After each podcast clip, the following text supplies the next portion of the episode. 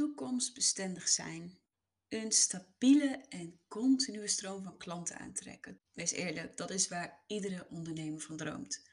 Want toekomstbestendig zijn betekent geen stress, geen what-ifs, maar wel een duidelijk beeld van wat je de aankomende maanden en jaren kunt verwachten.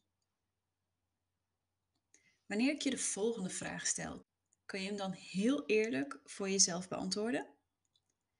Is jouw bedrijf toekomstbestendig? Oftewel, zijn je marketing en al je salesprocessen zo goed ingericht dat je met zekerheid durft te zeggen: ja hoor, de aankomende maanden ga ik minimaal omzet X behalen? Is je antwoord ja? Super, dan ben jij lekker bezig.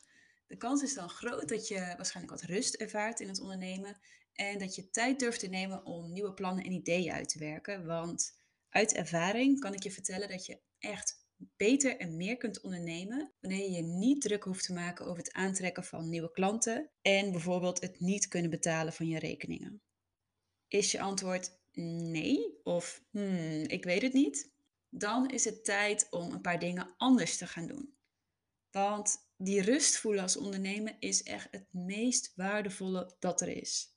En ik weet zeker dat jij ook nog heel veel ideeën hebt die je misschien al wel jaren begraven hebt in je hoofd, omdat je geen tijd hebt of jezelf misschien die tijd niet gunt om daar iets mee te gaan doen. Wil jij ook meer zekerheid ervaren binnen je bedrijf? Nou, ik denk het wel. Dan raad ik je aan om het aankomende jaar op het volgende te gaan focussen. Een heel belangrijk punt. Wat zijn je moneymakers en waarom? Een eenvoudige manier om je omzet te verhogen is door uit te zoeken met welk aanbod je nu makkelijk geld verdient. Dit zijn bijvoorbeeld diensten met een gemiddeld hoog uurtarief een product waar je heel veel marge op maakt. En het volgende punt is, hoe komen nieuwe klanten in aanraking met je bedrijf? Weet jij dat? Weet jij via welke marketingkanalen jij je meest waardevolle klanten haalt?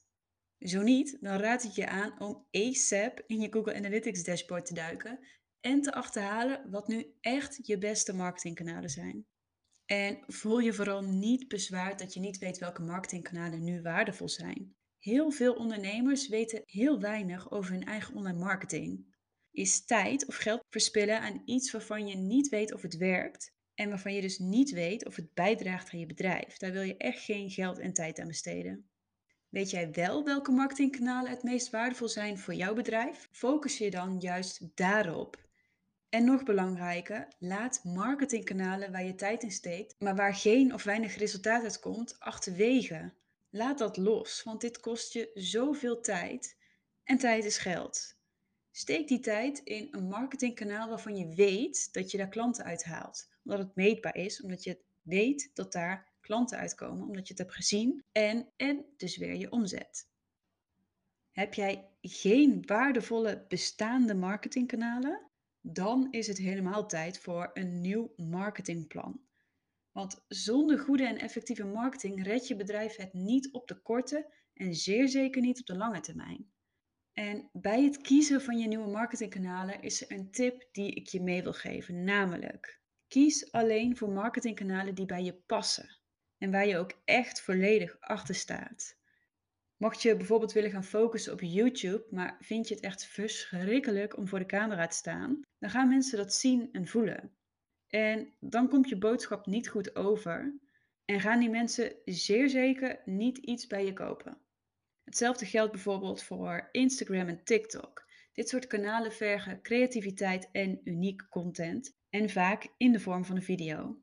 Als je je echt niet thuis voelt op dat kanaal, zul je nooit ijzersterke content kunnen ontwikkelen. Ook daar kan ik uit ervaring praten. Ik heb heel weinig met reels en video's en ben daarom qua marketing niet gefocust op Instagram en TikTok. En dat betekent trouwens niet dat ik niet op social media zit met mijn bedrijf. Maar qua marketing focus ik meer op duurzame kanalen, waarbij ik niet iedere dag nieuwe content hoef te ontwikkelen. Dat vind ik namelijk gewoon jammer van mijn tijd. Ik ben liever bezig voor mijn klanten. Plus, er zit maar een heel klein deel van mijn doelgroep op social media.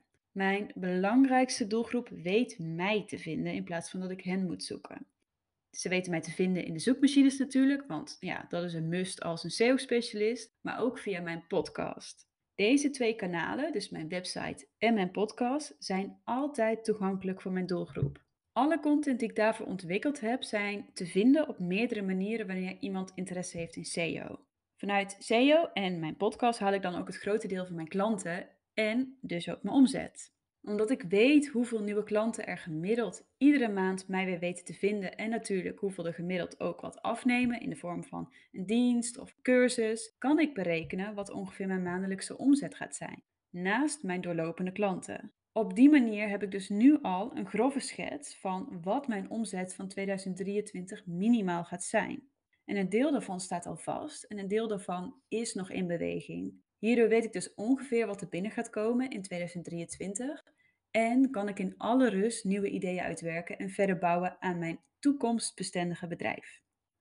Denk jij nu, dat wil ik ook. Ik wil ook een stabiele stroom aan nieuwe klanten aantrekken naar mijn aanbod. Zonder dat je dus continu moet schreeuwen met een flinke lading content op socials of bijvoorbeeld via advertenties. Dan raad ik je aan om je eens in SEO te verdiepen.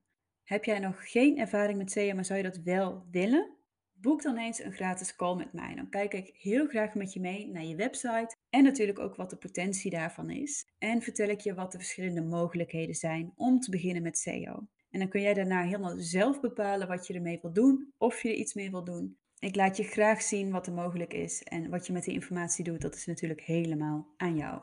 In de beschrijving van deze podcast vind je een link naar mijn kalender. Pik dan een datum en een tijd en dan spreken we elkaar dan. Het lijkt mij in ieder geval echt super leuk om kennis te maken en natuurlijk meer te horen over je bedrijf en je plannen. Oké, dat was hem weer voor vandaag. Lekker kort maar krachtig. Heel erg bedankt voor het luisteren naar deze podcast. Volgende week dinsdag ben ik er weer met een